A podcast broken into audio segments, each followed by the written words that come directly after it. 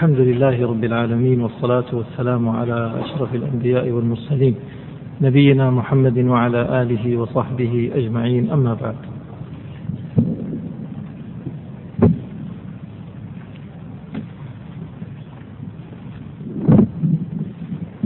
أما بعد فهناك ملخص جديد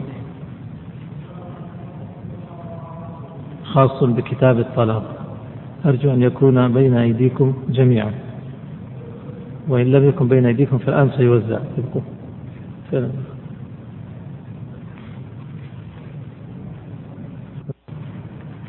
مراجعة سريعة.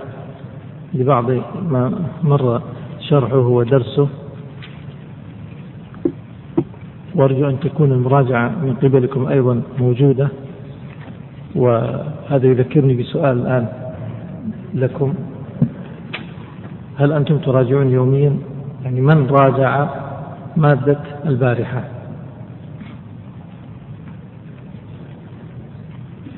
ارفعوا الأيدي ترى ما, ما ينافي الإخلاص هذا إن شاء الله. قبل البارحة.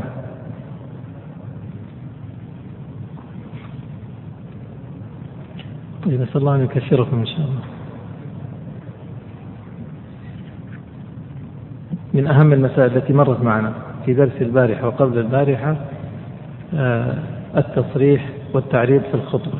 نتجاوز هذه المرحلة خلاص واضحة. المعتدة تخطب تصريحا أو تلميحا أم لا؟ المعتدة الرجعية لزوجها. غير الرجعية المعتدة البائن بالتعريض فقط أما التصريح فلا. شروط النكاح وأركان النكاح. أركانه كم؟ الزوجان والإجاب والقبول. شروط النكاح أربع وهي تعيين الرضا والولي والشاهد. الولي والشهادة الشاهدين. معناه شرط في الزوجين وهو الرضا منهم. والشرط الثاني في الولي والشرط الثالث في الشهود. الإجبار على النكاح. قلنا من الذي يجبر من الرجال؟ الزوج من, من هو الزوج الذي يجبر؟ غير المكلف سيكون صغيرا أو مجنونا. هذا إذا كان ابن أو يكون عبدا صغيرا. طيب.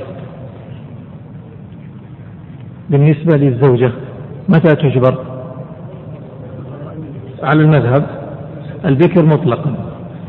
البكر مطلقا. والصحيح أن البكر لا تجبر إلا إذا كانت دون البلوغ. إذا كانت دون البلوغ. عائشة رضي الله عنها زوجها أبوها وعمرها ست سنوات. صح تزويج الأب ولا ما صح تزويج الأب؟ والبكر على المذهب البكر مطلقا. ويمكن أن نقول البكر إذا كانت دون البلوغ. وعلى المذهب السيد إذا كانت دون التسع سنين. والثالثة المجنونة والرابعة الأمة. بعد ذلك آه، ذكرنا مسألة المحرمات من النساء. المحرمات بالنسب عددهن سبع وبالرضاع سبع وبالمصاهرة أربع أصبح ثمانية عشر. تجمعها وتضبطها قاعدة كل أنثى قريبة لا تدخل تحت ولد. لا تقولوا أبناء لأن الأنثى ما تدخل تحت أبناء. ولد الخولة ولا ولد العمومة. يعني ليست بنت عمة ولا عم ولا بنت خالة ولا بنت خال. إذا كانت غير كذا فهي محرم. إذا كانت ليست بنت عمة ولا بنت عم ولا بنت خالة ولا بنت خال إيش تكون قرابتها؟ إما أم أو بنت أو أخت أو بنت أخت أو بنت أخت أو عمة أو خالة طيب. بعد ذلك المحرمات بسبب الجمع إيش الضابط فيه؟ لا يجمع بين امرأتين. لو كانت إحداهما ذكر حرمت على الأخرى. مثل المرأة وأختها. لو كانت إحداهن ذكر صارت أخ وأخته المرأة وعمتها. رجل وعمته. المرأة وخالتها. رجل وخالتها ما يجوز. وهناك محرمات لعارض. أمر يعرض مثل من؟ مثل المتزوجة مثل المعتدة مثل الزانية قبل أن تتوب مثل الكافرة حتى تسلم مثل المطلقة ثلاثة حتى يحللها زوج آخر لزوجها. كل هؤلاء لعارض طيب بعد ذلك من المسائل التي مرت قلنا في مسألة الرضاع قاعدة يحرم من الرضاع ما يحرم من النسب. استثنوا صور. ما هي هذه الصور؟ مرضعة الإبن. وبنتها ومن مرضعة الأخ ها؟ وبنتها هكذا. طيب بعد ذلك الشروط التي في النكاح. أنا الآن مضطر أراجع لأنكم ما راجعتم فأرجو أنكم في الغد تكون هناك مراجعة تراكمية لكل ما مر الشروط في النكاح عندنا ثلاثة أنواع. شروط صحيحة لازمة. نوع. النوع الثاني شروط باطلة مبطلة للعقد ثلاثة. شروط باطلة لا تبطل العقد طيب نماذج. الصحيحة اللازمة. مثل إيش؟ إذا شرطت طلاق ضرتها على المذهب والنبي صلى الله عليه وسلم نهى عن ذلك. ولهذا الصحيح أن يقال هذا شرط باطل. شرطت عليه أن لا يتزوج عليها. شرطت أن لا يخرجها من الدار من بيتها. أن لا يخرجها من بلدها. تقبل هذه ولا لا؟ شرطت. شرطت أن يغير لها الأساس كل سنة. ها؟ يصح هذا ولا ما يصح؟ إن قبل؟ خلاص هو الذي قبل ذلك. شرط أن تكون مسلمة أو تكون بكر أو تكون آه، جميلة أو شرط أن لا يكون فيها عيب من العيوب. كل هذا تقبلونه؟ يصح ولا ما يصح؟ يصح. النوع الثاني من الشروط التي تبطل العقد أي أربعة فقط. تحديدا أربعة لكن الأول الشروط الصحيحة بس هذه المذكورة لا كثير. كل شرط جائز فهو صحيح. طيب الأربعة ما هي؟ الشغار المتعة المحلل التعليق على شرط. الشروط الفاسدة ما هي؟ عدم النفقة هذا شرط فاسد ما يبطل. عدم النفقة عدم المهر يجب المهر. نعم. عدم الزيادة على الغير لأن هذا فيه ظلم للطرف الثاني. شرط الخيار يعقدون العقد. عقد صحيح بس هو مشترط خيار في العقد. فرق بين أن يشترط خيار في العقد وبين أن يعلق العقد على شرط قادم. فهمت؟ الفرق إيش؟ إذا علقناه على قادم. أقول إذا جاء الشهر القادم تزوجتك ابنتي. الآن صار عقد ولا لسه؟ العقد سيحدث؟ ما في عقد سيحدث ما يصح. هذا من الشروط التي تبطل العقد. لكن لو قلت زوجتك ابنتي الآن لكن لي شرط الخيار أن أفسخه أن ألغيه أن أرفعه في أي لحظة. واضح الفرق بينهم؟ الثاني يصح ولا ما يصح؟ الثاني ما يصح والأول ما يصح كلها ما تصح. لكن إيش الفرق؟ إن الأول يبطل العقد والثاني لا يؤثر على العقد كل عقد الهزم بعد ذلك انتقلنا إلى مسألة العيوب. هناك عيوب تبيح الفسخ. بعضها خاص بالرجال. وش هي الخاصة بالرجال؟ ثلاثة. جب إنة خصاء. وهناك عيوب خاصة بالمرأة كذلك ثلاثة وهي آه، انسداد أو فك عكسه أو قروح سيالة في الفرج وهناك مشتركة عيوب مشتركة. ذكرنا ستة منها استطلاق البول البرص والجذام. وش كمان؟ الجنون. كونه خنثى أو هي خنثى؟ نعم. الباسور والناسور. بعد ذلك نكاح الكفار. نكاح الكفار. نقرهم بشرطين. ما هما؟ إذا اعتقدوا صحته في شرعهم ولم يترافعوا إلينا. إن ترافعوا إلينا ما هو الحل؟ إن ترافعوا إلينا قبل العقد ماذا نفعل؟ عقدناه على شرعه. وإن ترافعوا إلينا بعد العقد إيش نسوي؟ نقره ولا ننظر فيه؟ ننظر فيه كيف ما هو النظر؟ نقول إن كانت تباح في هذه اللحظة في لحظة الترافع مش في لحظة عقد العقد. فإن كانت تباح في حالة الترافع أمضينا. وإن كانت لا تباح في هذه اللحظة لم نمضي. واضح؟ مثلا مجوسي ترافع إلينا وقد تزوج أخته. المجوس يبيحون المجوس يبيحون نكاح المحارم والعياذ بالله. فإذا ترافع إلينا وهو مزوج أخته ما نضيفها طيب رجل ترافع إلينا وقد تزوج امرأة معتدة نمضي ولا ما نمضيه؟ إن كانت العدة انقضت نمضيه وإلا فلا. وهنا أيها الأحباب أنبه إلى قضية أرجو أن تتحملوها مني وأن لا تستثقلوها. أنا أذكر دائما نفسي وإياكم. المفروض أذكر نفسي أنا لا أذكر نفسي نسأل الله العافية. أذكر نفسي الواجب أن أذكر نفسي وإياكم بأمرين. أولها الإخلاص إنما الأعمال بالنيات. فينبغي أن نطلب العلم لله سبحانه وتعالى. لا نطلبه لشيء آخر لا نطلبه لصيت أو ذكر أو مدح أو تعالم أو تفاخر أو غير ذلك. هذه الأولى. فإن لم تصح النية فالأولى الجهل أبلغ والجهل أرحم. يقول البيري إذا ما لم يزدك العلم خيرا فخير منه ما لو قد جهلت. ولو ألقاك فهمك في مساوي قال فليتك ثم ليتك ما علمت.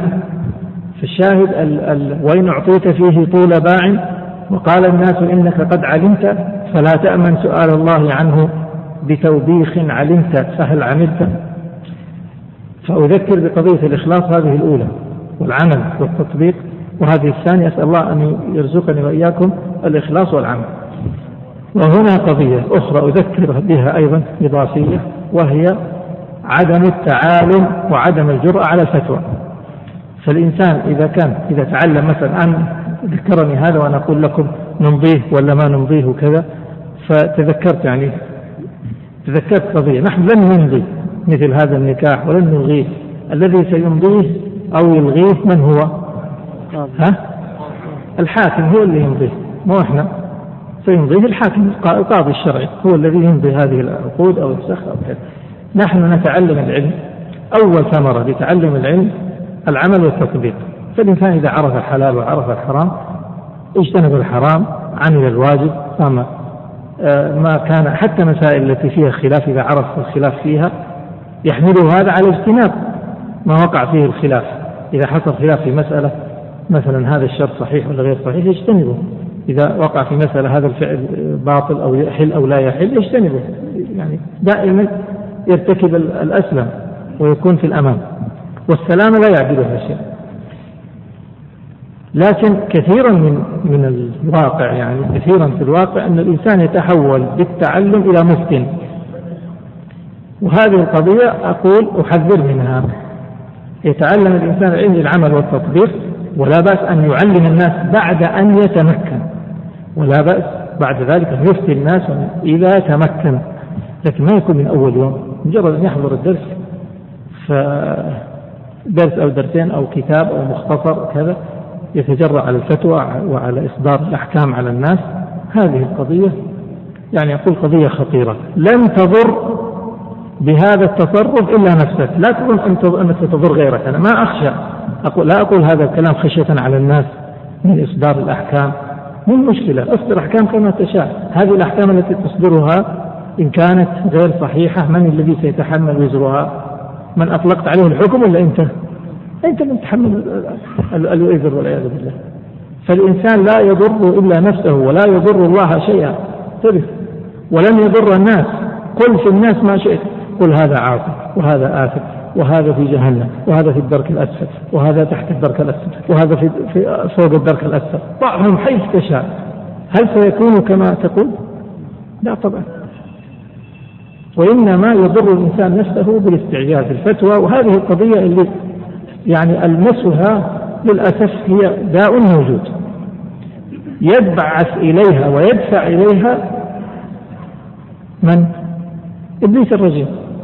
وهو النفس الشيطان المريض هو الذي يدفع الإنسان على هذا. فلذلك أقول أيها الأحباب سلف هذه الأمة وصحابة هذه الأمة ما كانوا يلهثون خلف الفتوى كانوا يتدافعونها كل يدفعها إلى غيرها.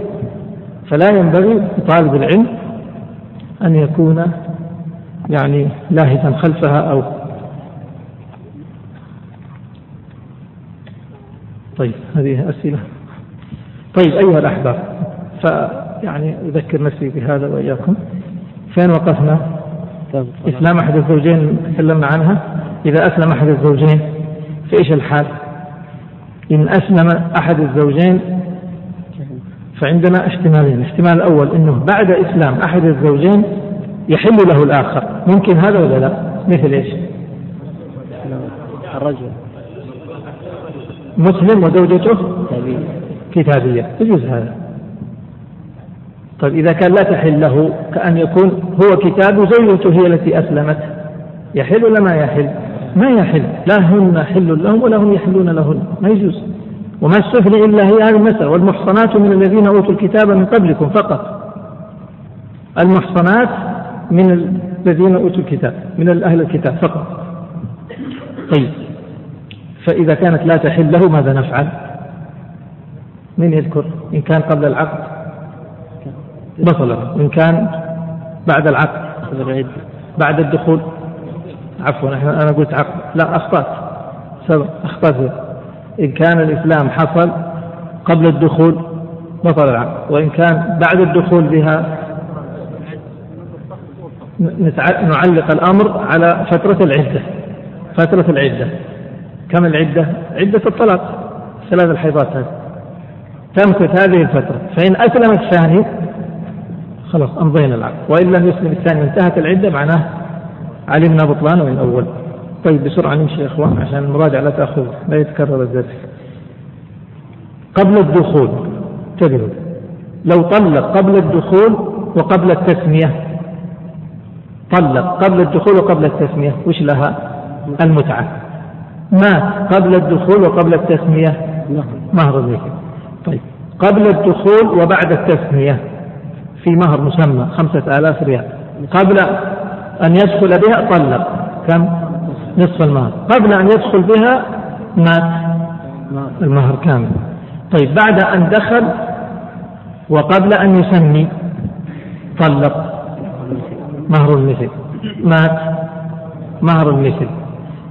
بعد أن دخل وقد سمى المهر. طلق. كم لها؟ المهر المسمى. مات. المهر المسمى.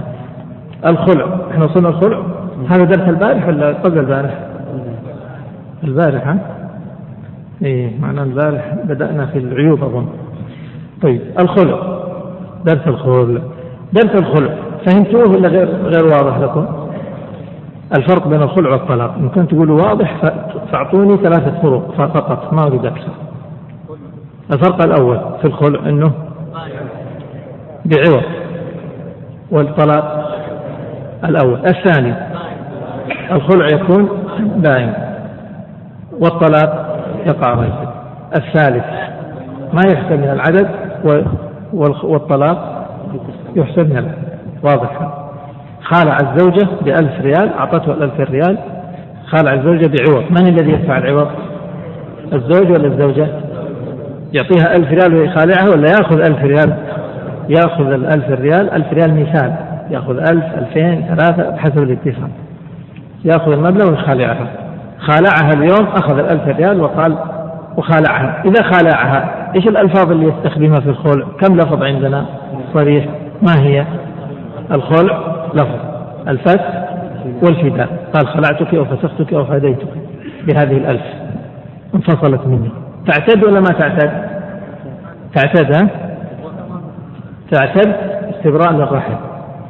كم تعتد إذا كانت حائض؟ ثلاث حيضات سيأتي باب العدة. ثلاث حيضات إذا كانت تحيض. طيب في أثناء العدة ندم يريد أن يردها. يستطيع؟ عقد جديد. هذا معنى طيب إذا حصل دمج الآن بين أخذنا شيء من الخلع وأخذنا شيء من الطلاق كيف؟ نقول خلع. خلع بعوض. بنية الطلاق إيش اللي يحصل؟ إيش اللي سيختلف في في الخلع؟ عن في أحكام الخلع؟ سيصبح؟ سينقص العذاب. طيب لو كان طلاقا طلقها طلاق. قال طلقني. قال طيب بس أطلقك بألف. أعطيني ألف وأنا أطلق. أعطاها ألف وطلقها ما نوى خلع إيش اللي حصل؟ ها؟ ستكون باين سيكون باين وسيحسب من الحد مثل الخلع في المثال الأول لما خالعها بألف ريال ونوى الطلاق. أصبح بائن وإيش؟ ونقص الحد طيب هذا واضح ها؟ طيب إذا نكمل حيث وقفنا. اليوم سنبدأ في كتاب الطلاق. كتاب الطلاق أيها الأحباب وهذا الدرس اللي هو درس اليوم يعني. اسمحوا لي أقول لكم أن هذا الدرس اليوم أظن هو أصعب درس في الدورة كلها. أصعب درس. أصابكم الخوف ولا لسه؟ طيب. فلذلك ركزوا. أنا أقول هذا أصعب درس حتى تنتبهوا. والآن ستعرفون هو أصعب درس ولا لا. أول شيء الطلاق. ما هو الطلاق؟ الطلاق عندكم في الفقرة الآن 23 الطلاق حل قيد النكاح أو بعضه نقرأ من الملخص ثم نقرأ من الكتاب. حل قيد النكاح أو بعضه. إيش يعني بعضه؟ بعضه يعني طلقة واحدة طلقتان ثلاث يصبح حل قيد. النكاح. من يصح طلاقه؟ من الذي يطلق؟ يصح منه الطلاق؟ الزوج. الزوجة يصح طلاقها؟ يعني يصدر منها الطلاق اللي يصدر منه الطلاق هو الزوج. الزوج الذي يصدر منه الطلاق يحتاج إلى شروط. ما هي الشروط عندكم في الكتاب في الملخص؟ لابد يكون مكلف يعني بالغ عاقل. بالغ عاقل. لو كان الزوج مجنون ما يصح منه الطلاق. إذا واحد إيش مكتوب عندكم؟ ما في واحد لك أنت اكتب رقم واحد. المكلف هذا واحد.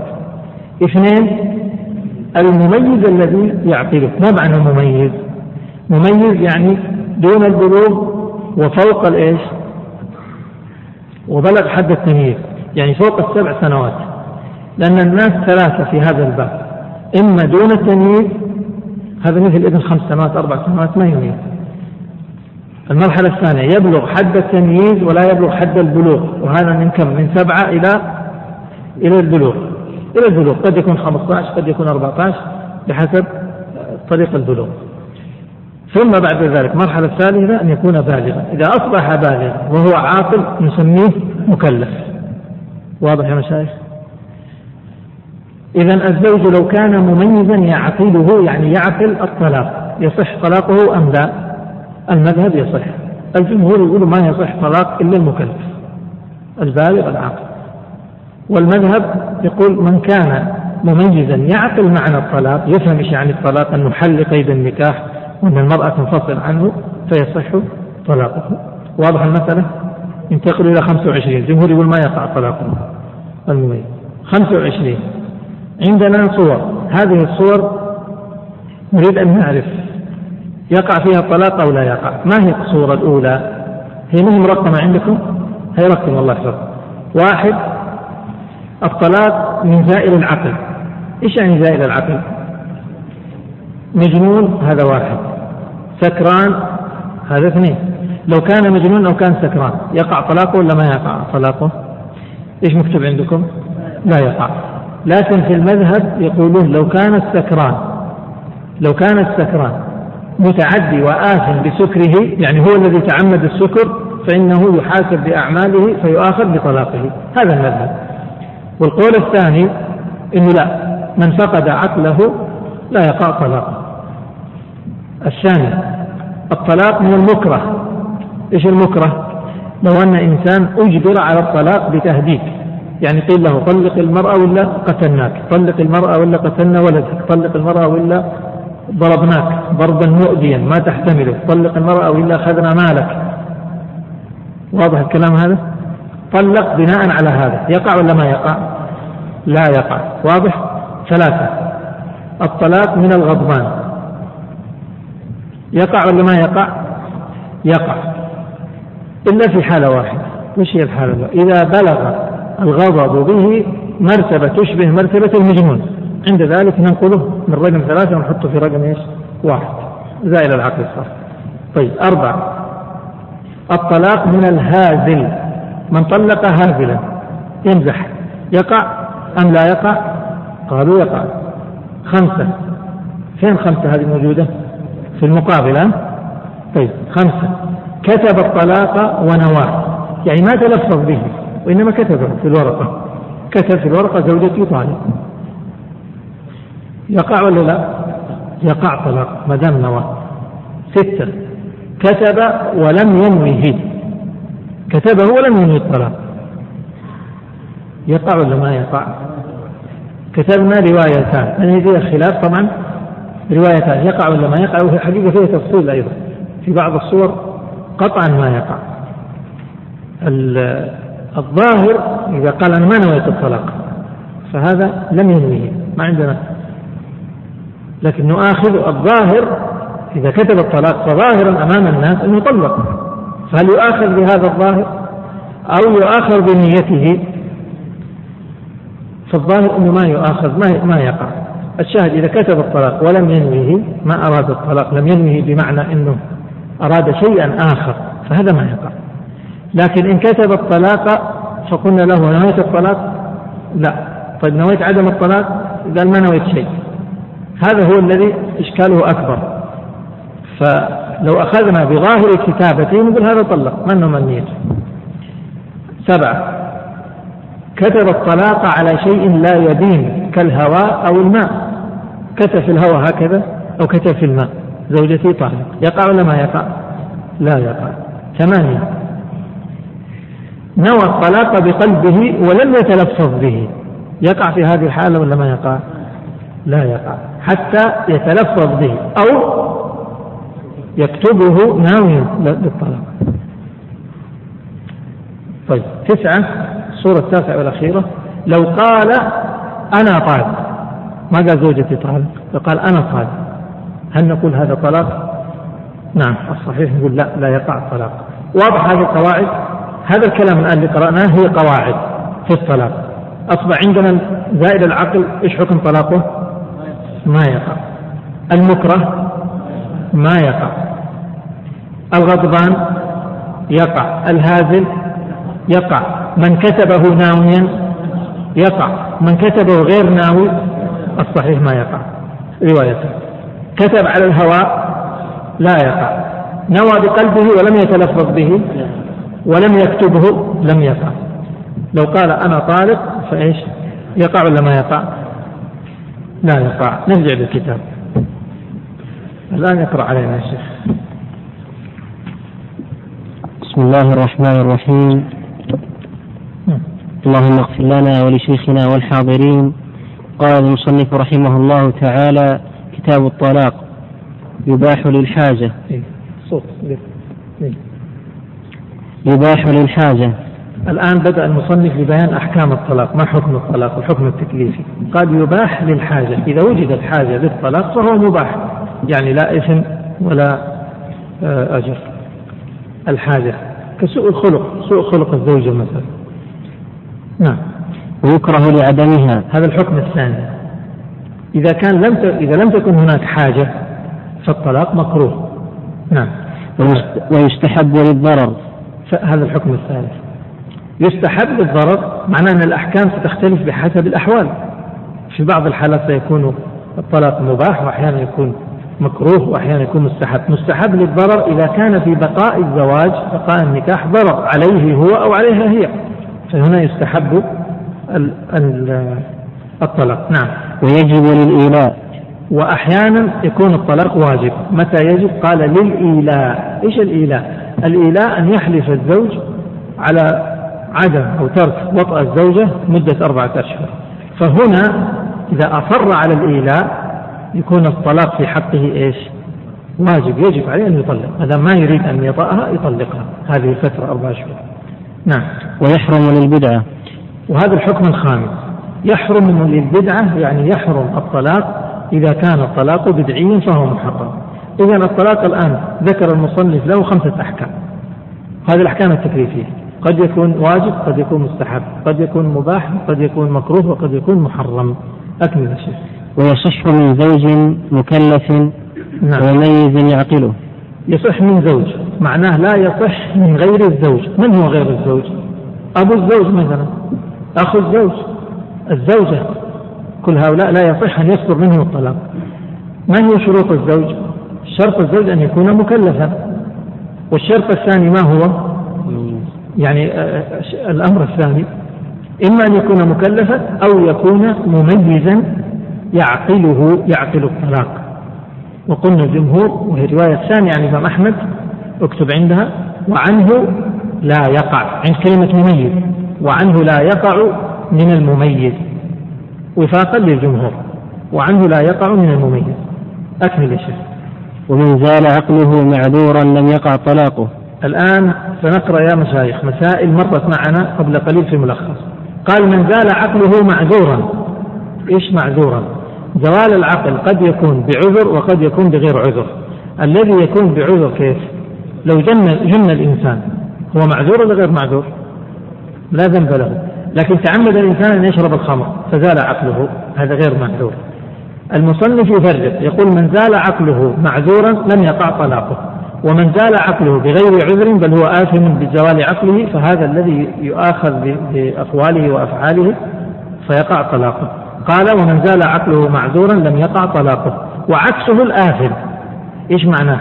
وعكسه الآثم اكتب عندها يقع طلاقه. أي يقع طلاقه. إذا لو سألنا سؤال وقلنا طلاق السكران ما حكمه؟ إيش راح يكون الجواب؟ يقع ولا ما يقع ولا تفصيل؟ تفصيل. فيه تفصيل. الرواية الثانية وأظن هي الأصوى والأقوى أن طلاق السكران لا يقع أبدا. سواء كان آثما ولا غير آثم. لأن مسألة الإثم يعني لو تعمد شرب الخمر شرب الخمر جريمة ومعصية وفيها عقوبة لها عقوبة. لكن لا علاقة لها بالإيش؟ بوقوع الطلاق. طيب أكمل. ومن أكره عليه ظلما الآن انتقلنا إلى مسألة نسميها طلاق إيش؟ مكره. المكره. قال ومن أكره عليه يعني على الطلاق ظلما قوله ظلما سيخرج من أكره على الطلاق بغير ظلم.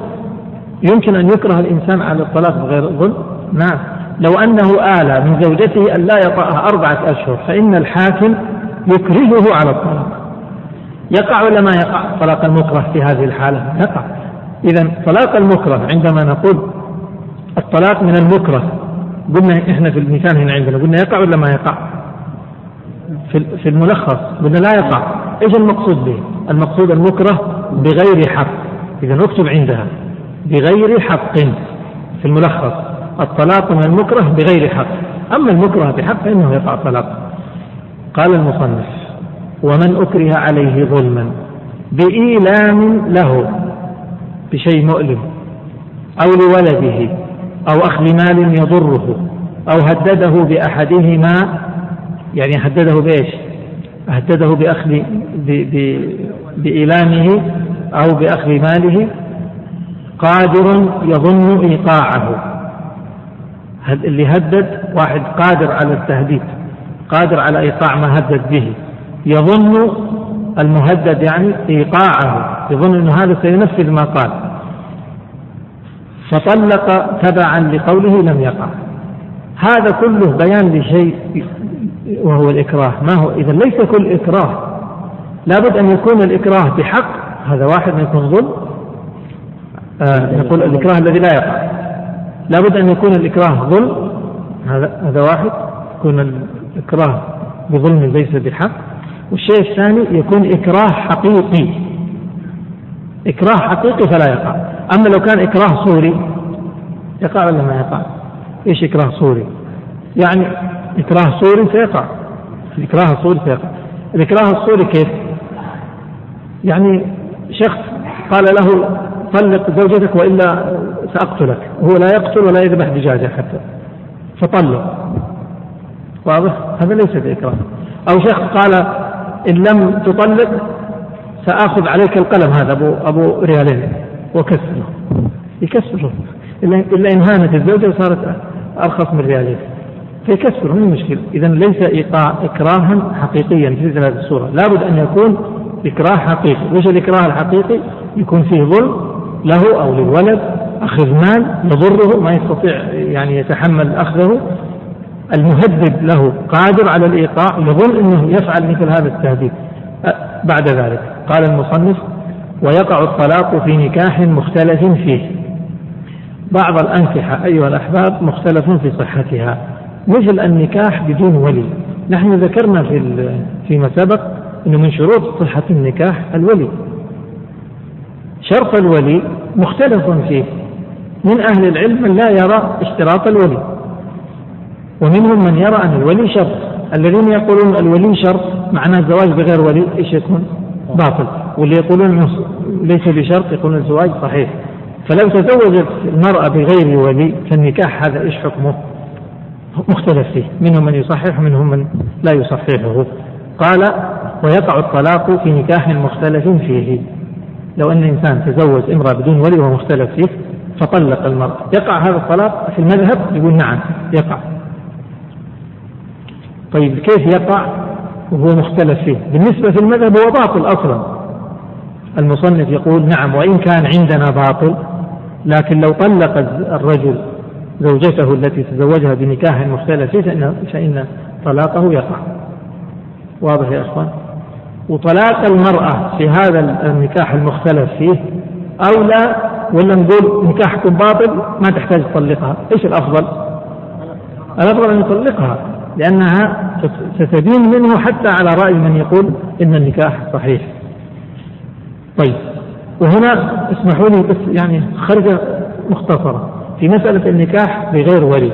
من الناس في هذه الأيام أسأل أحيانا مو كثير لكن أسأل في بعض الأحيان عن هذه المسألة. من الناس من يشتهي أن يتزوج امرأة أو يسافر مثلا فترة وجيزة ويتزوج فيها و ثم يطلق ويعود. ويفرح بماذا؟ يفرح بمسألة القول الثاني أنه النكاح من غير ولي صحيح.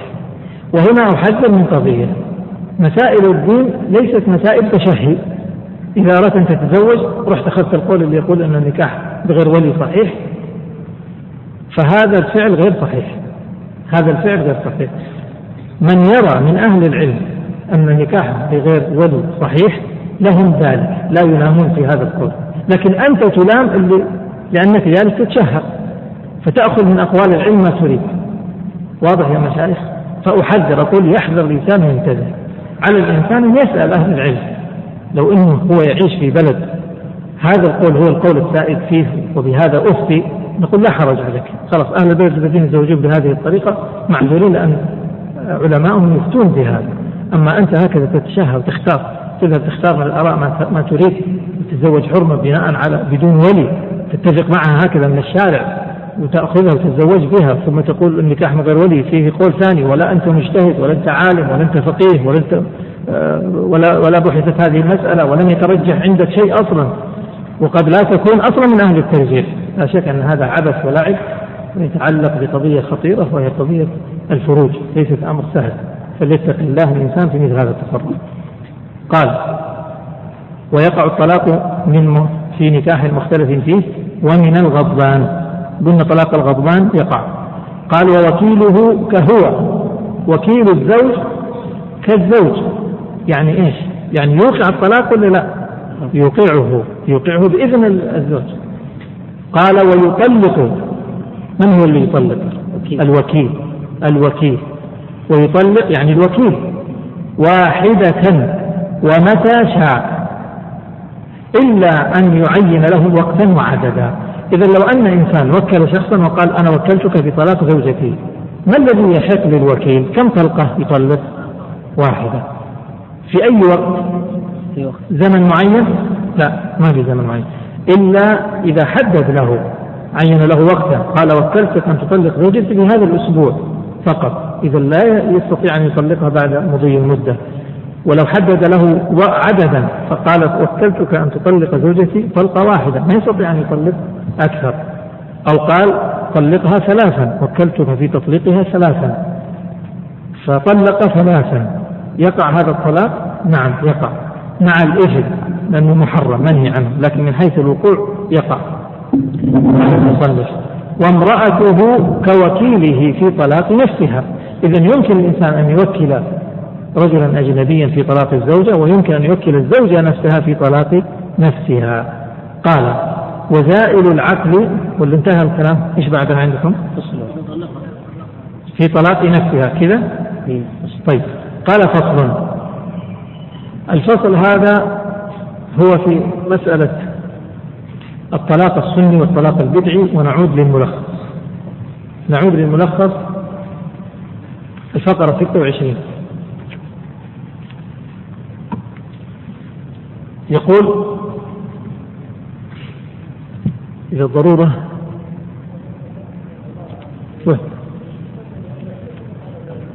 إيه يجوز له ذلك يعني هو يباح له. مثل لو قلنا لو وكل في البيع وكل في الشراء وكل في الطلاق كل ذلك يجوز ما في مباح. شروط الطلاق السني. ما هو الطلاق السني؟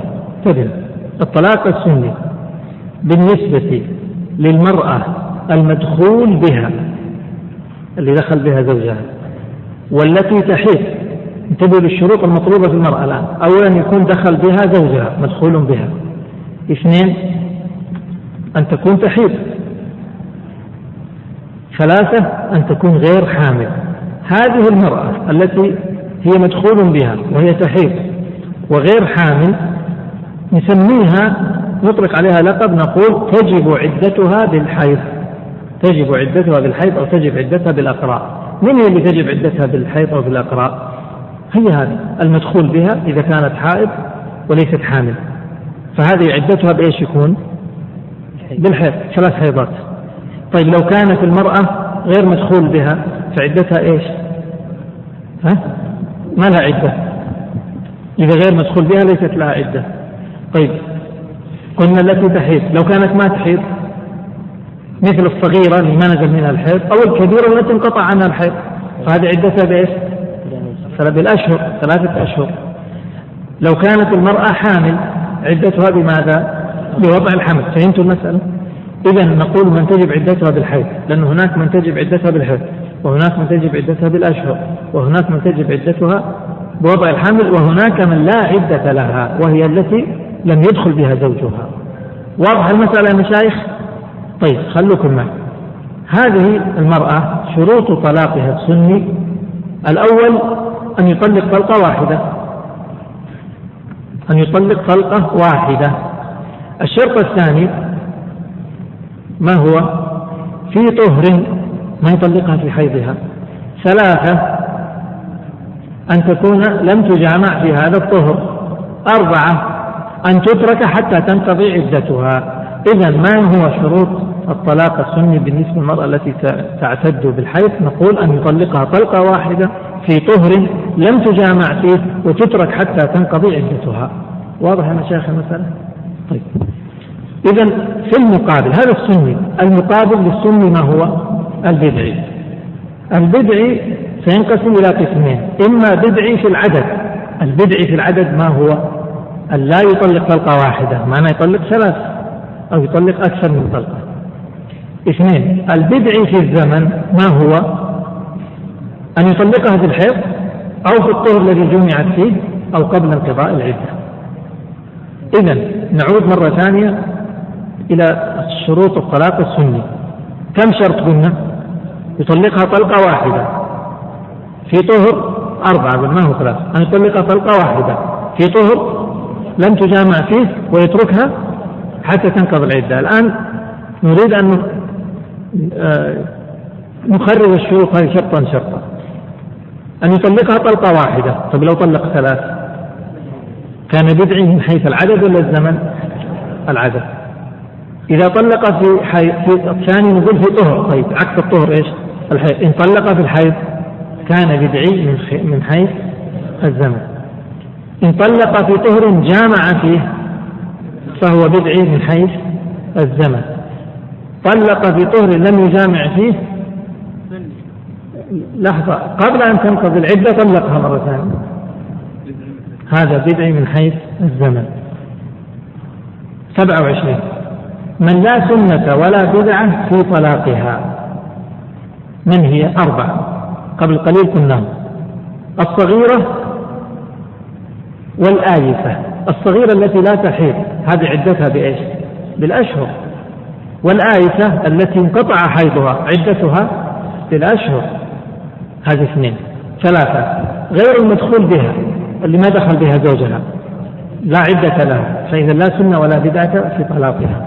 الرابع الحامل. الحامل. فعدتها بوضع الحمل إذا لاحظوا إحنا قلنا قبل قليل أن العدة ستكون أربعة. إما بالحيض. فهذه التي فيها سنة وبدعة. لابد أن تطلق طلقة واحدة في طهر لم تجامع فيه وتترك حتى تنقضي العدة الثانية عدتها بإيش؟ بإيش يا إخوان؟ بالأشهر. واللي تعتد بالأشهر كم واحدة؟ إما صغيرة ولا كبيرة يا عائشة فهذه لا سنة ولا بدعة. يعني يطلق في أي وقت. ثلاثة الحامل فهذه بوضوع بوضع حملها. فهذه لا سنة ولا بدعة يطلقها في أي وقت. الرابعة من لا عدة لها. هذه غير المدخول بها فهذه لا سنة ولا بدعة. يطلق في أي وقت شاء. واضح يا إخوان؟ فطلقوهن لعدتهن. فطلقوهن لعدتهن يعني طلقوهن لابتداء عدة. فلاحظوا لاحظوا يا إخوان.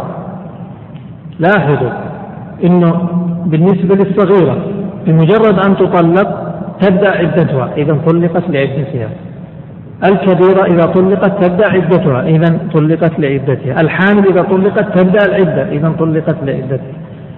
غير المدخول بها إذا طلقت ليس لها عدة إذا ما دخلت ما خالفت قول الله تعالى فطلقوهن لعدتهن الحائض المرأة الحائض لو طلقت ما تبدأ العدة تنتظر حتى تطهر ثم ها تبدأ حيضة جديدة تطهر ثم تحيض بعد ذلك هذه بداية العدة لأن عدتها بالحيض.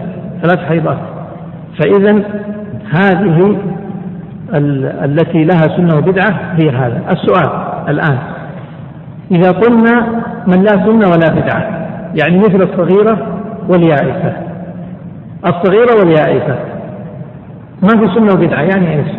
يعني هل استطيع أن اطلقها أكثر من طلقة؟ فهمت المسألة؟ نعم ولا لا؟ ولا لا نعم ولا لا؟ ولا الله أعلم؟ ولا في خلاف؟ شوف في المذهب في خلاف تبغوا المذهب المذهب إيش يقول؟ المذهب يقول المعتمد عند الحنابلة إنه يجوز لا سنة ولا بدعة لها في العدد ولا في الزمن معناه يجوز أن تطلق ثلاثة والقول الثاني في المذهب وهو اختيار الموفق أنه لا بدعة لها في الزمن في الزمن. أما في العدد فلها بدعة وسنة. إيش كتبنا؟ مكتوب أمامكم 27 بين المعكوفتين في الزمن والعدد على المذهب. فهمتوا يعني؟ واضح العبارة؟ من لا سنة ولا بدعة في طلاقها في الزمن والعدد على المذهب. خلينا نمشي على هذا القول الآن. في الزمن والعدد على المذهب. معناه الصغيرة يستطيع أن يطلقها ثلاث؟ يستطيع. طيب هذا في الزمن. في العدد هذا. في الزمن يستطيع أن يطلقها. في طهر جمعت فيه يستطيع أن يطلقها. واضح؟ الآية يستطيع أن يطلقها ثلاث أيوه. وفي طهر جمع نعم. طيب غير المدخول بها يستطيع أن يطلقها ثلاث؟ على المذهب إيه الحامل يطلقها ثلاث؟ نعم يطلقها ثلاث على المذهب. إذا في الزمن والعدد على المذهب. واختار الموفق كذا مكتوب عندكم؟ واختار الموفق لا بدعة في الزمن فقط. معناه في بدعة في العدد ولا لا؟ معناه على قول الموفق وهو الذي أظن هو الراجح إنه على قول الموفق معناه صغيرة. تطلق ثلاث؟ لا ما تطلق طلاقها ثلاث بدعي. الآيسة تطلق ثلاث؟ لا بدعي. وكذلك غير المدخول بها وكذلك الحامل واضح المسألة هذه فنقول من لا سنة ولا بدعة لها على الصحيح والآن هذا طبعا إخلال بالشرط لأنه شرطنا أن لا نذكر الخلاف وأن لا نخرج إلى مسائل الترجيح إلا في نطاق ضيق فهذا إن شاء الله من الضيق من لا سنة ولا بدعة لها في طلاقها يعني في إيش؟ إذا في الزمن ولا في العدد؟ في الزمن فقط أما في العدد لا ما تطلق أكثر من واحدة. طيب انتهينا من هذا. نرجع الآن للكتاب. يقول المصنف عليه رحمة الله. فصل. هذا الفصل في سنة الطلاق وبدعته. مكتوب عندكم كذا عنوان ولا ما في؟ ما في ها؟ بالله اكتبوا العناوين. هذه تساعدك في المراجعة. فصل في سنة الطلاق وبدعته. قال المصنف. أرقم الآن كلام المصنف. قال إذا طلقها مرة. واحد. في طهر. اثنين. لم يجامع. فيه. ثلاث. وتركها حتى تنقضي. أربعة. حتى تنقضي عدتها فهو سنة. قال فتحرم الثلاث إذا فتحرم الثلاث إذا طيب والثنتان معها المذهب تكره. المذهب تكره. والقول الثاني إن إنه الواحدة هي السنة وما سوى ذلك فهو منهي عنه وتكره الثنتان على المذهب. قال المصنف وإن طلق من دخل بها في حيض هذا إيش نسميه؟ بدعي أو طهر وطئ فيه فبدعة يقع. ما معنى يقع؟ لاحظ يا إخوان إحنا قلنا إن الطلاق السني والطلاق الطلاق السني بشروطه وما سواه بدعي هذا من حيث الإثم وعدم الإثم سني وبدعي لكن من حيث الوقوع يقع. قال فبدعة يقع مع كونه بدعي. قال المصنف وتسن رجعتها. من هي؟ من طلقت طلاقا بدعيا. ثم قال ولا سنة ولا بدعة لصغيرة واحد من هي الصغيرة؟ اللي ما اللي ما ما تحيض ها؟ اللي ما تحيض ما بلغ. ولا ولا بدعة لصغيرة. ليش؟ لأنه عدتها بإيش؟ بالأشهر وآيسة هذه اثنين. لصغيرة وآيسة إذا نكتب عندها واحد واثنين. لأنه عدتها بالأشهر اكتب عندها لأن عدتها بالأشهر ولأن عدتهما بالأشهر قال وغير مدخول بها. هذا رقم كم؟ مشايخ ثلاثة. وغير مدخول بها. ليش؟ لا عدة لها اكتب عنده لأنه لا عدة له. ومن بان حملها هذه رقم أربع عدتها لأن عدتها بوضع الحمل. اكتب عنده ذلك. انتهينا يا إخوان؟ واضح المسألة هذه؟ طيب. إذا عندنا مسألتين ما هو الطلاق السني؟ كم شرط؟ طلقة واحدة. إيش؟ في طهر. لم تجامع فيه تترك حتى تنقضي العدة. من من هن اللواتي لا سنة ولا بدعة في طلاقهن؟ كم عددهن؟ من؟ صغيرة؟ آيسة غير المدخول بها؟ والحامل. طيب نعود مرة أخرى إلى الملخص لأننا سننتقل إلى فصل مسألة ثانية وهي مسألة صريح الطلاق. 28 صريح الطلاق. ألفاظ الطلاق أيها الأحباب تنقسم إلى قسمين صريحة وكناية أو تنقسم إلى ثلاثة أقسام. نقول ألفاظ صريحة والكناية تنقسم إلى قسمين كناية ظاهرة وكناية خفية. صارت الأقسام على التفصيل ثلاثة. صريحة كناية ظاهرة كناية خفية. هذا التقسيم التفصيلي. التقسيم الإجمالي إيش نقول؟ صريحة وكناية. إيش الفرق بينهم اللفظ الصريح ألفاظ الطلاق الصريحة هي الألفاظ التي وضعت للطلاق. واضح؟ هذه ألفاظ صريحة. ولا تحتمل إلا الطلاق وضعت له. وأما الكناية فهي ألفاظ تحتمل الطلاق وتحتمل شيء آخر غير الطلاق. اتفقنا على هذا؟ إلا أن الكناية بعضها أعلى من بعض بعضها أظهر من بعض. فمن فما كان منها أظهر سميناه كناية ظاهرة وما كان منها أبعد سميناه كناية خفية. اتفقنا الآن؟ إذا نمشي. الأول صريح الطلاق وهو ما وضع له. لا ما هو صريح الطلاق؟ ما هي ألفاظ الطلاق الصريحة؟ كلمة واحدة وهي كلمة الطلاق وما تصرف منها. يعني كلمة الطلاق هذه واحدة لكن ما تصرف منها كم؟ كثير. فإذا كل كلمة تصرفت من الطلاق تعتبر إيش؟ صريحة الطلاق. فلو قال لها أنت الطلاق صريح ولا لا؟ صريح. أنت طالق صريح؟ إيش كمان؟ طلقتك مطلقة وهكذا. إذا كل ما تصرف منها يعتبر صريح. إلا ثلاثة ألفاظ. تتصرف من كلمة الطلاق ولا تعتبر صريحة. ما هي؟ قلنا غير مكتوب عندكم. غير أمر مثل طلقي. لو قال لها طلقي هذا أمر صيغة أمر. طيب قوله طلقي مشتقة متصرفة من الطلاق ولا لا؟ متصرفة. لا متصرفة. لكنها مستثناة ما تفيد الطلاق. ألفاظ الطلاق الصريحة. أرجع مرة ثانية. ألفاظ الطلاق الصريحة ما هي؟ كلمة الطلاق وما تصرف من هذه الكلمة إلا ثلاثة ألفاظ. ما نعتبرها طلاق والباقي كله نعتبره طلاق. ما هي الثلاث كلمات فعل الأمر طلقي. الفعل المضارع تطلقين. اسم الفاعل مطلقة. اسم الفاعل مطلقة. واضح يا إخوان؟ قال غير أمر طلقي مضارع تطلقين اسم فاعل مطلقة. طيب اسم المفعول إيش؟ مطلقة. لو قال أنت مطلقة تطلق ولا لا؟ تطلق. لو قال أنت مطلقة ما يصلح. أنت مطلقة مثل لو قال أنا طالق. أنت ما ما تطلق لي. واضح يا إخوان؟ إذا اللفظ الصريح ما هو؟ باختصار. كلمة إيش؟ الطلاق. وما تصرف منها ونستثني كم عبارة؟ الأمر طلقي المضارع تطلقين اسم الفاعل مطلقة. طيب.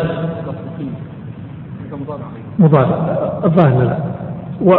وهي هي العبارة مهمة.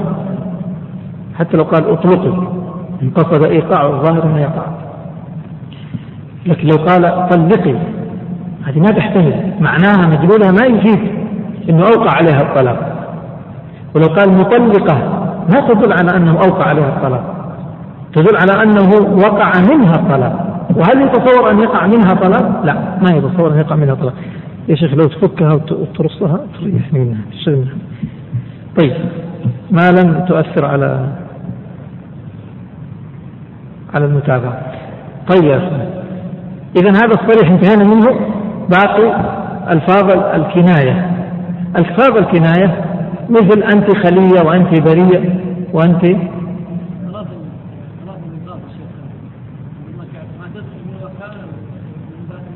لا ما وكلها. لو قال لها طلقي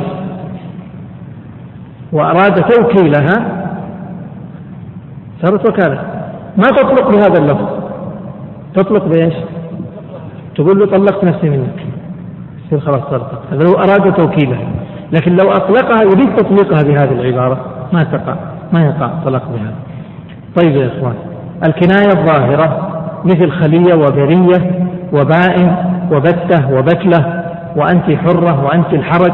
كل هذه العبارات سنقرأها بعدين. كل هذه كنايات ظاهرة. الخفية ما وضع لطلقة واحدة مثل أخرجي. واذهبي وذوقي وتجرعي إلى غير ذلك. طيب حكم صريح الطلاق وكنايته. اللفظ الصريح للطلاق يقع به الطلاق سواء كان جاد أو هازل. ولو لم ينوه حتى لو ما نوى الطلاق مجرد أن يقول أنت طالق خلاص نحاسب على هذا ويؤاخذ به. الكناية الظاهرة والخفية هل يقع بها الطلاق ولا ما يقع؟ يقع بشرط. ما هو الشرط؟ لابد أن تصدر منه نية أو قرينة. أصحاب الفضيلة معي. صريح الطلاق يقع به الطلاق. هل نشترط نية لهذا اللفظ؟ ما نشترط. الكناية الكناية تحتمل طلاق تحتمل شيء ثاني. إذا لابد من من نية. يقول يقول المصنف وغيره الفقهاء يقولون إما نية أو قرينة تقوم مقام النية. ما هي القرينة؟ إيش مكتوب عندكم؟ القرينة هي خصومة. يعني قال لها اخرجي أو اذهبي في وقت الخصومة. قالوا هذا دلالة أنه يريد إيش؟ الطلاق. أو غضب. قال لها في حال الغضب. عبارة من عبارات الكناية. قال لها أنت خلية. أنت بثة أنت دائمة أنت الحرج. في وقت الخصومة أو في وقت الغضب أو في وقت سؤال جواب سؤالها. قالت له طلقني قال أنت باين إذا يريد إيش؟ طلاق. قالت طلقني قال أنت حرة أنت الحرج أنت بتة أنت بسلة أنت باين كل هذه الكنايات مع هذه القرينة قالوا هي طلاق.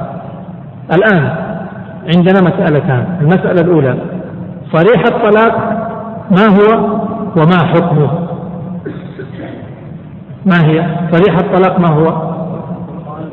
الطلاق وما تصرف منه إلا ثلاثة ألفاظ. ما هي؟ أمر طلقي مضارع مطلقين. اسم فاعل مطلقة. طيب حكمه يقع به الطلاق مطلقا. الكناية ما هي ظاهرة أو خفية؟ والفاظها عندكم. ما حكمه؟ يقع ولا ما يقع؟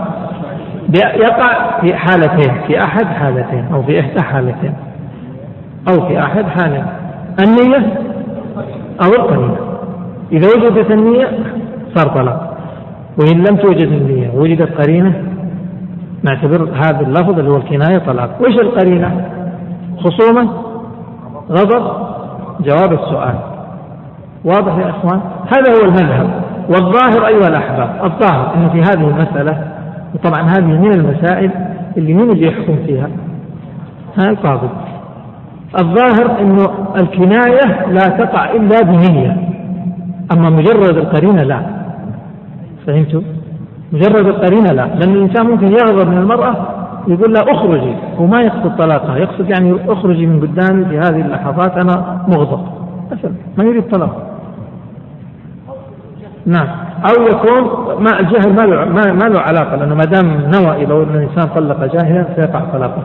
لكن الشاهد ما دام أنه أننا أن نقول النية نعم. الكناية مع النية تقع بها. والكناية مع القرينة هي محل كلام وهي فيها فيها ضعف. طيب الآن فهمنا هذه المسألة ولا لا يا إخوان؟ طيب نرجع للكتاب. قال المصنف وصريحه لفظ الطلاق وما تصرف منه.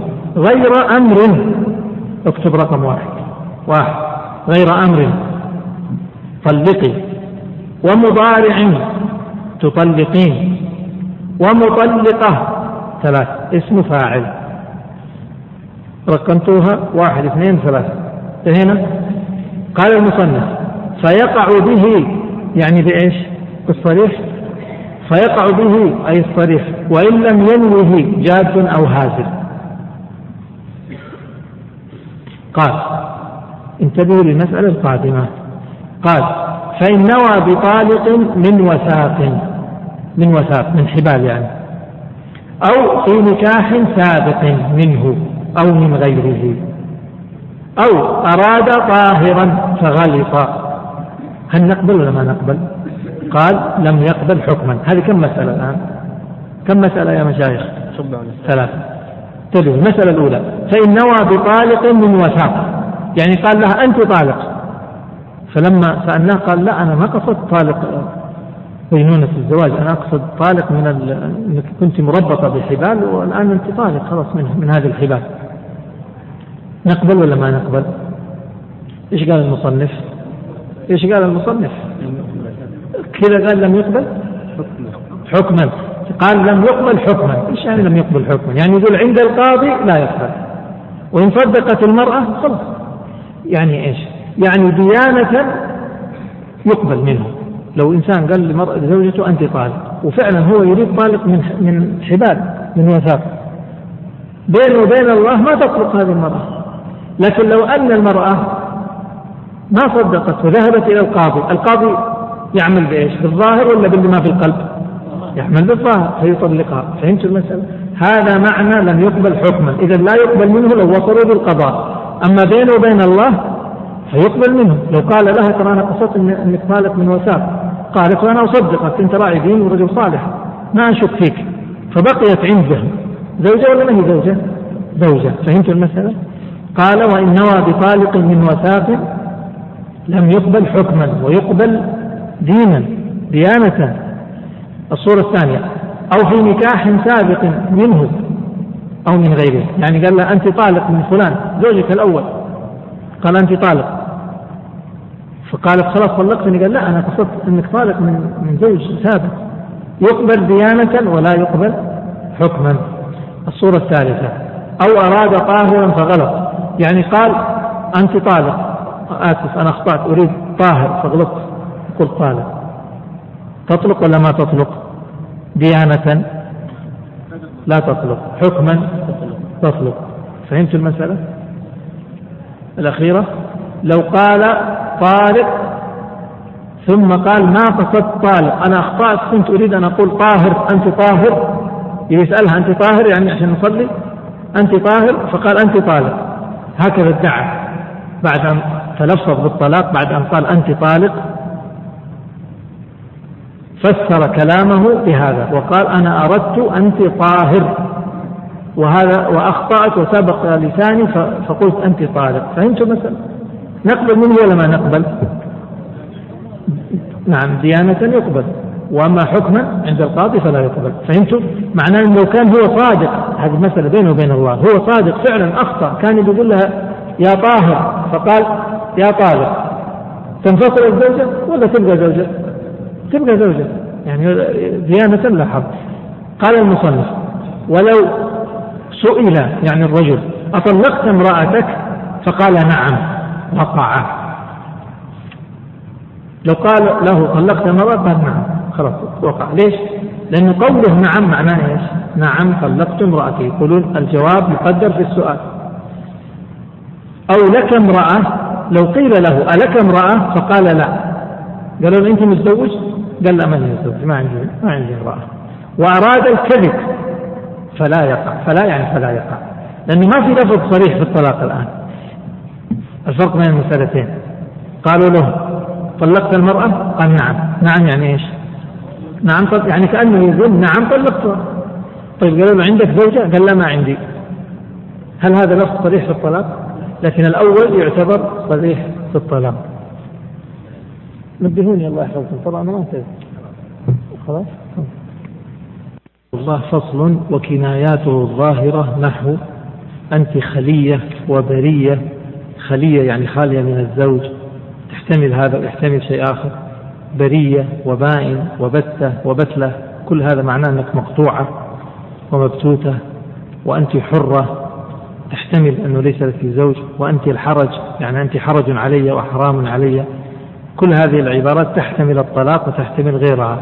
إذا قال أنت مقطوعة احتمال أنها مقطوعة من زوج يعني مطلقة واحتمال أنك مقطوعة من شيء ثاني مقطوعة من صديقات مقطوعة من قرابة مقطوعة من شيء ثاني مقطوعة من أخلاق حميدة كل ذلك يحتمله قال والخفية نحو يعني الكناية الخفية نحو اخرجي واذهبي وذوقي وتجرعي.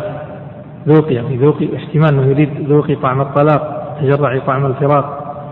واعتدي واستبرئي واعتزلي ولست لي بامرأة. يحتمل أن يقول لست لي بامرأة يعني لست لي بامرأة. آه امرأة صالحة امرأة مناسبة. والحقي بأهلك وما أشبهه. ثم قال ولا يقع بكناية ولو ظاهرة ولو ظاهرة ولا ظاهرة طلاق. ولو ظاهرة طلاق. ولا يقع بكناية ولو ظاهرة طلاق إلا بنية مقارنة لللفظ. هذا واحد. لابد من وجود النية. إلا حال خصومة أو غضب أو جواب سؤالها. يعني إيش؟ معناه إلا بنية أو قرينة. أو قرينة. قول إلا حال هذه قرينة. اكتب عندها أو قرينة. قال فلو لم يرده أو أراد غيره في هذه الأحوال. لم يقبل حكما. أي الأحوال؟ يعني في حال الخصومة أو حال الغضب أو حال جواب السؤال يقول لو أنه لم يرد الطلاق في هذه الأحوال وقال لها هذه العبارات أو أراد غيره في هذه الأحوال لم يقبل حكما. لم يقبل حكما معناه لو وصلوا للقاضي يطلقها. لكن بينه وبين الله إيش؟ لا تطلق. اكتب عندها عند قوله لم يقبل حكما وعنه يقبل حكما وعنه يقبل حكما إذا قلنا وعنه يقبل حكما معناه إيش؟ معناه لو قال لها عبارة أنت خلية وأنت بائن في حال الخصومة وقال ما أردت الطلاق القاضي وش يقول له؟ يقول له صدقت خلاص ما ما يطلق قال المصنف ويقع مع النية بالظاهرة ثلاث وإن نوى واحدة كيف؟ يقول الكناية الآن عندنا صريح وكناية ظاهرة وكناية خفية. إيش الفرق بين الظاهرة والخفية؟ ليش هذا التقسيم؟ ما يحصل هذا التقسيم إلا لفائدة. فهم قسموا هذا التقسيم لهذه الفائدة التي ذكرها المصنف وهي يقع مع النية بالظاهرة يعني بالكناية الظاهرة ثلاث وإن نوى واحدة وبالخفية ما نواه. صار الفرق بين الكناية الظاهرة والكناية الخفية إيش؟ إنه في الكناية الظاهرة كم طلقة تقع؟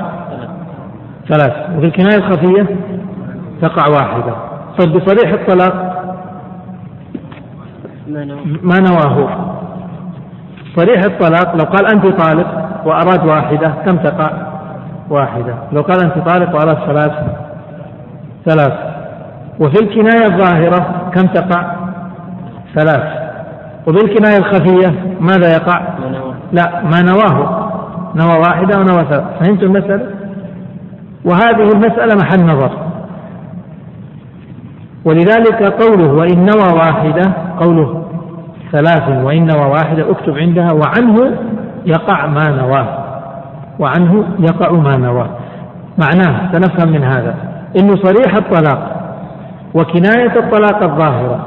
وكناية الطلاق الخفية كم يقع؟ ما نواه فهمت المسألة؟ إذا قلنا بهذا معنى ما نحتاج إلى إلى تفصيل في الكناية إلى ظاهرة وخفية فهمت علي؟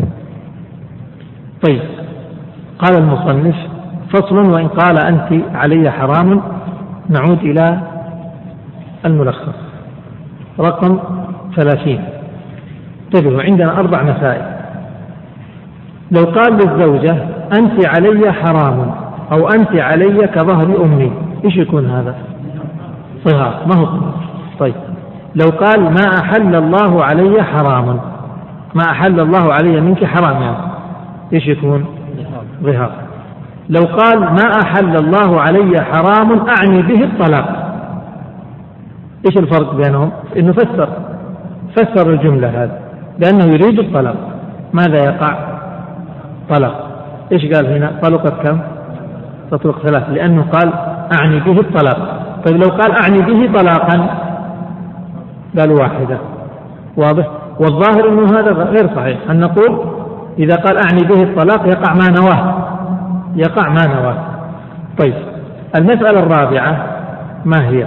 لو قال أنت كالميتة أنت كالدم أنت كالخنزير وش اللي يقع هذا؟ طلاق ولا ظهار ولا يمين. يقول ما نواه. من طلاق إن هو الطلاق نعامله معاملة الطلاق. وإن نوى الظهار يكون ظهار عليه كفارة ظهار وإن كان يمين يصير عليه كفارة يمين. واضح يا إخوان؟ المصنف ذكر هذه المسائل ليش؟ لأن هذه الصور تشتبه بالطلاق فيريد أن يميزها.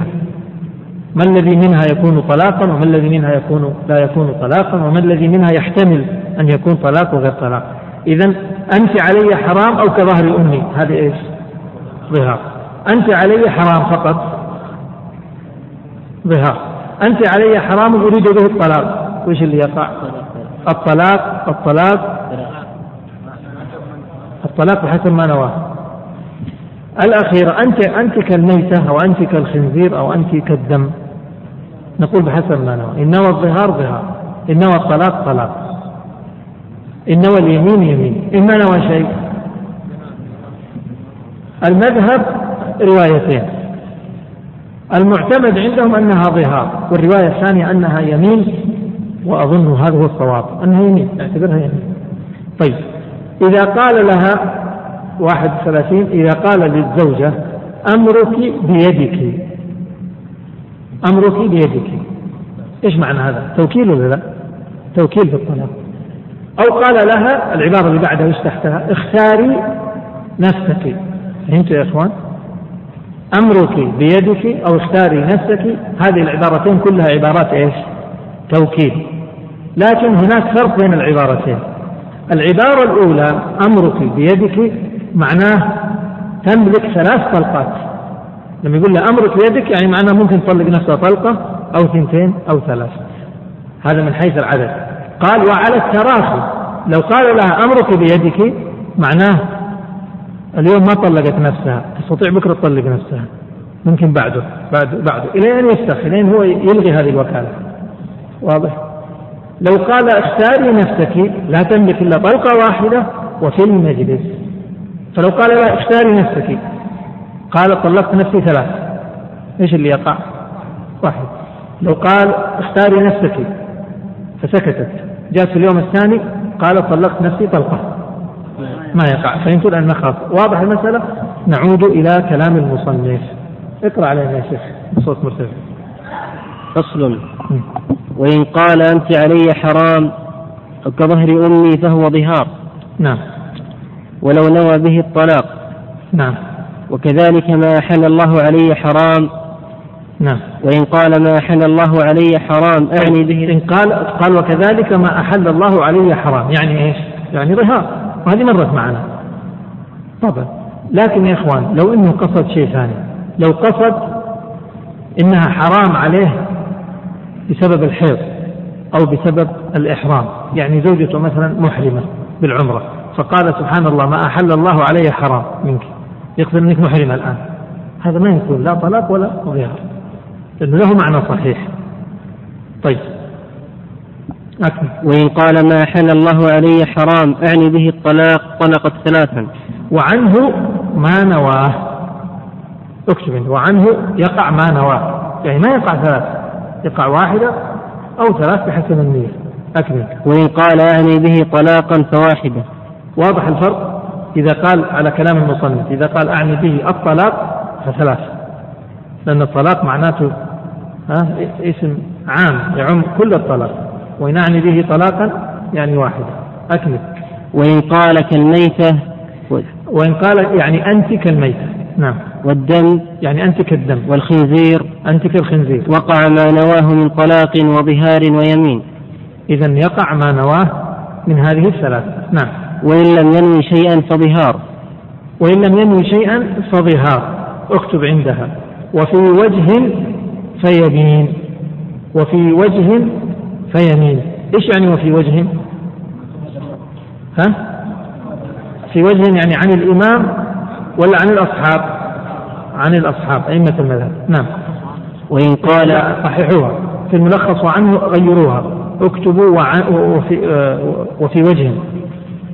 وفي وجه يمين. لأنه ما هو عنه. نعم. وإن قال حلفت بالطلاق الظاهر هذا الأقرب. وإحنا قلنا يعني نشير بقضية ذكر القول الثاني إشارة إلى قوة القول الثاني مع أحيانا التصريح بترجيحه وأحيانا مع السكوت عنه. أكمل يا شيخ. وإن قال حلفت بالطلاق وكذب لزمه حكما. لزمه حكما. إيش يعني قال وإن قال حلفت بالطلاق. وكذب هو ما حلف بالطلاق. لزمه حكما مثل إيش؟ لو قال أنا ترى حلفت على زوجتي أني قالوا له هيا آه، اشرب هذا. قال لا أنا حلفت على زوجتي بالطلاق أني إن شربت الشاي أنها طالق. هو كذاب ما قال هذا الكلام. إيش نقول؟ وشرب الشاي. هو ما حلف أصلا. قال لزمه حكما. يعني بمعنى إنه لو وصلوا للقضاء معناته يلزمه. واضح؟ والرواية الثانية أنها كذبة ليس نعم. ويميت عليه نعم. أكمل وإن قال أمرك بيدك ملكت ثلاثا ولو نوى واحدة. وهذه مرت معنا. أمرك بيدك تفيد شيئين من حيث العدد ثلاث ومن حيث الزمن متسع. نعم. ويتراخى ما لم يطأ. ما لم يتراخى. يتراخى إلى متى؟ إلى أن يطأ واحد. فإن وطئها معناه سحب أمرك بيدك هذه. ما لم يطأ واحد. أو يطلق. لو طلق معناه ألغى هذه الوكالة أو يفسخ ثلاثة. يفسخ إيش يعني يفسخ؟ يعني يلغي هذه الوكالة. يمكن نضيف أربعة. أو ترد هي. هذا الرابع. إذا يا إخوان إذا قال أمرك بيدك يفيد كم؟ توكيل في إيش؟ بثلاث زمن متسع. إلا متى ينقطع هذا التوكيل؟ ينقطع في أربع حالات. إما أن يطأها أو يطلقها أو يلغي هذه الوكالة يفسخ هذه الوكالة أو هي التي تقول له أنا ما أريد هذه الوكالة أكمل وتختص اختاري نفسك بواحدة وبالمجلس المتصل نعم. ما لم يزدها فيهما. ما لم يزدها فيهما يعني ما لم يقل لها اختاري نفسك مدة أسبوع. إذا زادت المدة. اختاري نفسك ثلاث طلقات زاد في العدد. نعم. فإن اختاري نفسك ستستمر إلى متى؟ قلنا في المجلس. ومع ذلك يمكن أن تقطعها في المجلس. كيف؟ فإن ردت نعم. فإن ردت هذا واحد. أو وطئ اثنين. أو طلق ثلاثة. أو فسخ أربعة. بطل خيارها. بطل خيارها. نعم. كل هذا يبطل الخيار